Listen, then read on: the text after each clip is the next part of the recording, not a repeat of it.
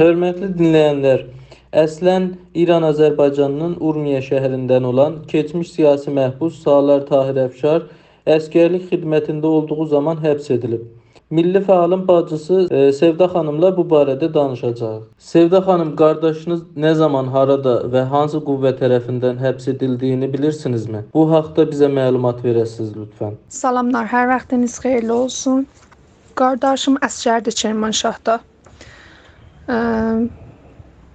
Keçən həftə quşların alınıb və tamamilə bu quşları baxılıb və heç zad olmayaraq dünən gecəndən biləsin bir dənə məlumsuz yerə aparılıb və ə, Sitad Mərkəzi Kol Kermanşah ə, da bir yerdə həbs olunub və il işçisi bağları qoparılıb və bu cəhətdən çox əndişəliyik.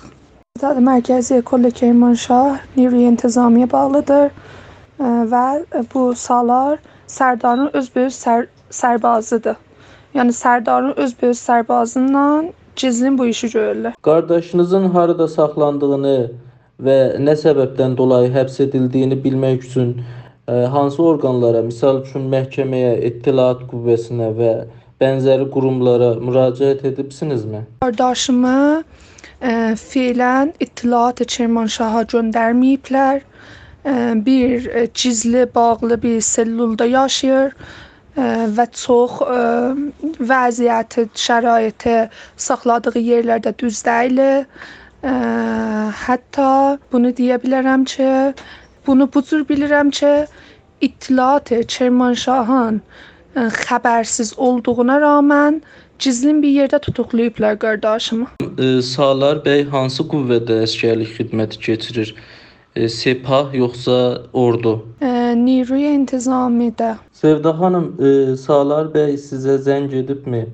E, harda olduğunu siz necə xəbərdar olubsunuz? Bir e, telefondan zəhləşdik və Salar mənə durumunu açıqladı.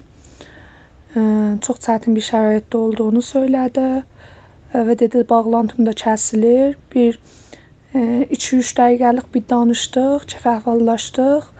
Ə, Durumun, vəziyyətini öyrənəndən sonra dedi da məndən ilişki quramayacaqsınız məcəyin ki, məni burdan bir yerə sevk edələr ya biləmi buraxalar burdan. Təşəkkürlər Sevda xanım.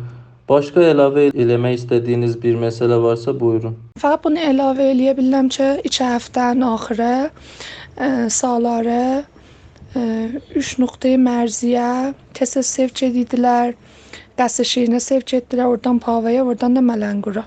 Və sonradan Sitad Mərkəzi çağırdı biləsin və bu cür çağırdı ki, bilən sevk edirik ayrı bir nöqteyi mərziyə.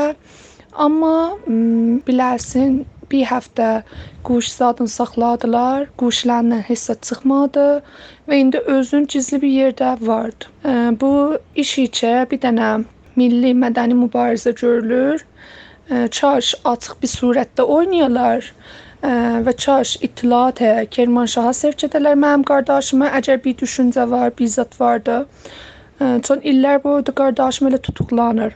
Vəli bu vəziyyətdə ki, gizlin bir yerdə saxlayırlar və İttilaat buna yetirməyə ə, bu ailecək bizi incidir.